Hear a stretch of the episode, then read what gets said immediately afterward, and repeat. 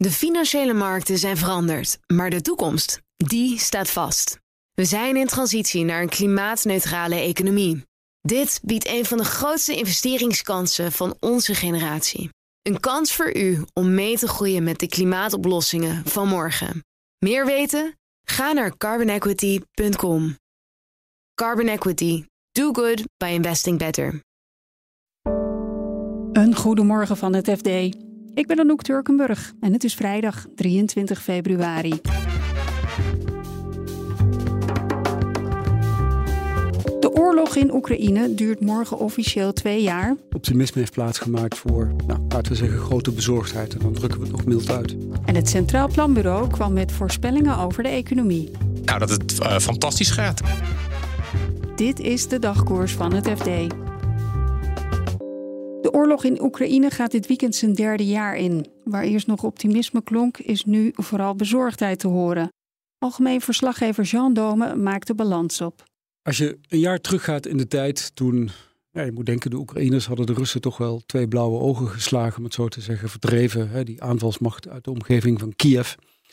Succesvolle tegenoffensieven. Uh, de omgeving van Kharkiv was bevrijd. En bij Gerson de Russen zich teruggetrokken. En ja, de lucht was zwanger, om het zo te zeggen, van een groot Oekraïns tegenoffensief met westerse wapens. Waar wij natuurlijk in het Westen ook wel in geloofden in de kracht daarvan. Het Westen getrainde troepen. En nu een jaar later moet je eigenlijk vaststellen dat dat tegenoffensief op een mislukking is uitgelopen. De Russen hebben zich succesvol ingegraven, gaan ook weer tot de aanval over.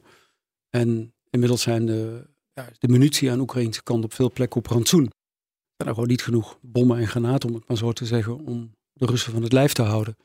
De vraag is of dat komende jaar allemaal opgelost kan worden. Dus ja, en dat, dat klopt inderdaad, die constatering. Optimisme heeft plaatsgemaakt voor, nou, laten we zeggen, grote bezorgdheid. En dan drukken we het nog mild uit. En als je kijkt naar de politieke situatie in Rusland op dit moment, kun je dan zeggen dat, dat Poetin ook op het toppunt van zijn macht is? We hebben natuurlijk die opstand gehad van de Wagner-huurlingen, een, uh, nou, drie kwart jaar geleden nu. En toen was eigenlijk de analyse in het Westen van ja, dat is toch een teken dat Poetins positie niet zo stevig lijkt te zijn als wij misschien dachten. Hoe dat verhaal afliep is bekend. Een paar maanden later was Prigozhin, de leider van de Wagner-huurlingen, dood. Het vliegtuig was neergestort of neergehaald. Met een bom ontploft.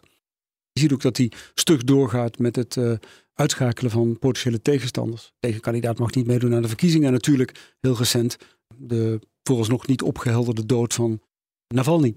Het heeft er alle tekenen van dat dat, ja, dat, dat regime heeft zich ontwikkeld tot een dictatuur. Moeten we ons ook goed realiseren in het Westen. Dat is ook het land waar wij, als we hè, oproepen tot onderhandelingen, dat is het Rusland waarmee je onderhandelt. Dat zijn politici als Lavrov, Poetin, stemt tot weinig vrolijkheid en boort eigenlijk, nou ja, die, die voor zover er al hoop was dat er serieus onderhandeld kon worden met de Russen, denk ik dat we ons daar niet te veel illusies over moeten maken. Toen de oorlog uh, twee jaar geleden begon, uh, straalde het Westen eigenlijk heel veel uh, eensgezindheid uit. Hoe is dat nu? Als je kijkt naar Europa, we moeten wel een knip maken. Hè? Die eensgezindheid van het Westen was inderdaad, het was Europa en de Verenigde Staten, geleid door Biden. Nu is de situatie compleet veranderd. Laten we niet te veel woorden aan de situatie in Amerika vuil maken, omdat die zo onvoorspelbaar is. Maar voor iedereen duidelijk dat de uitslag van de presidentsverkiezingen daar van groot belang zullen zijn. Ook als het gaat om toekomstige Amerikaanse steun voor Oekraïne. Kijk je naar Europa, ja, dan zie je dat eigenlijk in woorden bestaat die eenheid nog wel. Hè? Europa heeft ook uiteindelijk besloten dat uh, steunpakket van 50 miljard aan Oekraïne te geven. Maar natuurlijk een ander punt waar Europa toch ook beloftes heeft gedaan en die vooralsnog niet worden ingelost. En dat is de, de wapensteun, munitie, granaten voor Oekraïne. En dat is natuurlijk heel zorgelijk ander wapen in de strijd, uh, indirect wapen, dat zijn de sancties die, uh, die het Westen Rusland heeft, heeft opgelegd. Raken die sancties de Russische economie nou wel?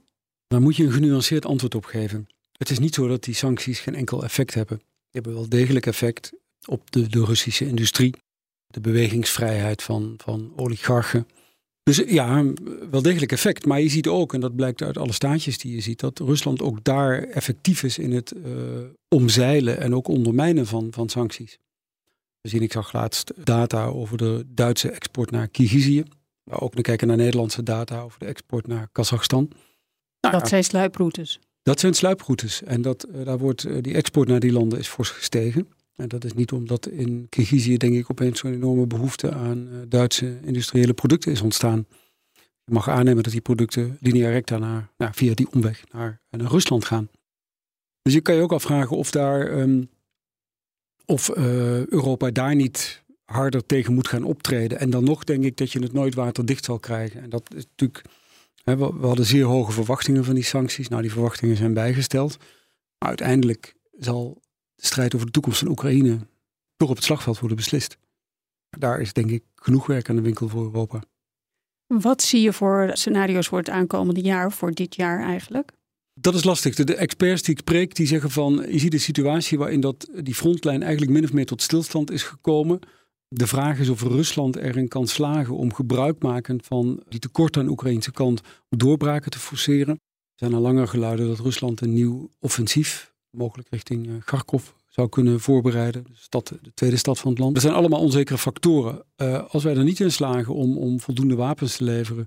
En, en Rusland door kan gaan met het knabbelen aan, aan, aan Oekraïns grondgebied, ja, dan, dan, dan is dat een, dat lijkt mij een vrij dystopisch uh, scenario waarin we dan terecht kunnen komen. Inmiddels lijkt het steeds waarschijnlijker dat premier Rutte een grote rol zal krijgen binnen dit conflict. De Amerikaanse president Joe Biden sprak gisteren zijn steun uit voor de benoeming van Rutte als hoogste baas van de NAVO. Nederlanders krijgen volgend jaar meer te besteden dan werd verwacht. Dat staat in de nieuwste voorspellingen van het Centraal Planbureau.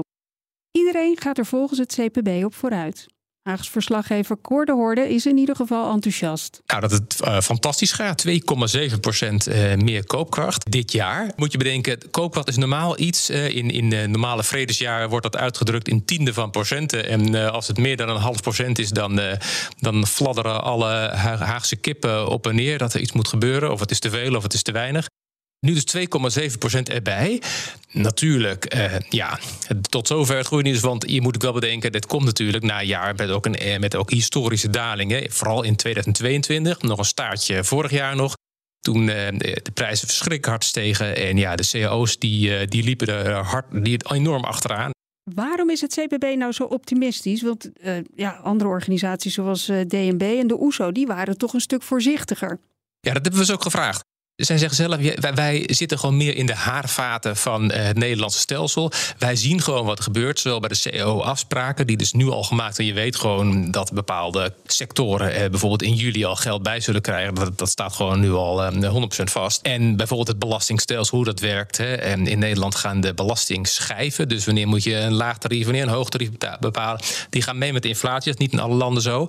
Eh, met andere woorden, zelfs als je geen bruto loonstijging krijgt, ga je er nog netto op vooruit. Omdat een kleine stukje in de hoge schijf valt en een groot stukje in de lage schijf. Nou, ja, je moet bedenken, door die loonstijging is ook het hele voorspelling voor, eh, het, eh, voor de economische groei naar boven bijgepast. Consumptie is gewoon de helft van de economische groei zo ongeveer. Maar ondanks die economische groei verwacht CPB wel dat de staatsschuld gaat, uh, gaat oplopen. Maar dat was ja. ook al eerder aangekondigd, toch? Ja, klopt. Dan heb je het dus over de latere jaar. Dit jaar, ja, dan heb je het over 2,1 procent. Nou ja, uh, zwart, dat, dat zal gebeuren. Het zit natuurlijk met name in de latere jaar. Ook dat hebben ze al eerder gezegd. Dit is, dit is nog eens een keer een extra zetje richting de formateurs. Als we die ooit weer krijgen. Want voorlopig formeert er helemaal niemand. Maar een nieuw kabinet is dus zijn boodschap. Moet dus echt de tering naar de nering zetten. Wat gewoon blijft is de, de zorguitgaven. De uitgaven aan sociale zekerheid zullen gewoon blijven stijgen. Het gaat allemaal verschrikkelijk duur worden. Dat moet allemaal betaald worden. En dat gaat allemaal harder dan de economie in zijn geheel groeit. Als je aan de belasting dan uh, niks bijzonders doet. Want die, die, ja, de belastinginkomsten hobbelen zo een beetje mee met het BBP. Hè, dat is gebruikelijk.